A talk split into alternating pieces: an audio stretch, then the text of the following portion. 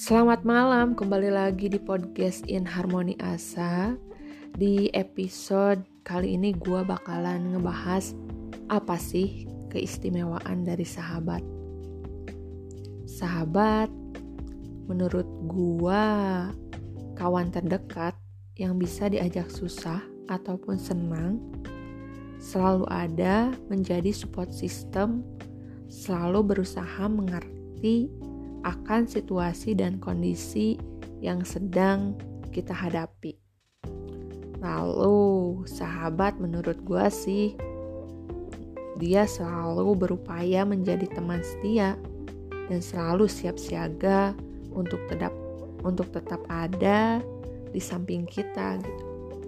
Nah, ngomong-ngomong sahabat atau sebuah keistimewaan sahabat itu sebetulnya uh, sangat luas karena sahabat itu sulit didefinisikan. Kebanyakan orang mengartikan sahabat itu ya pada intinya kawan terdekat atau seseorang yang memang erat jika diibaratkan bagaikan sedekat nadi gitu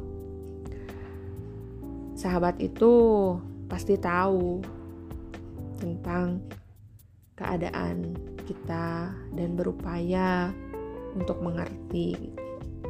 Pasti apa-apa kalau memang kita ada masalah di keluarga, bagi anak kuliahan mungkin di kampusnya atau di di mana pun dia pasti menumpah ruakannya pada sahabat terdekatnya Ya, karena sahabat itu istimewa.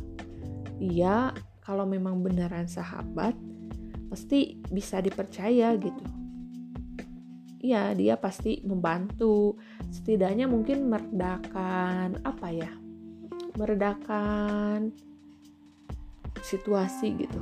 Meredakan emosi kita, kita dengan sahabat jadi e, berbagi, lalu hati kita seketika plong gitu pasti ada aja sih yang membuat kita ketawa.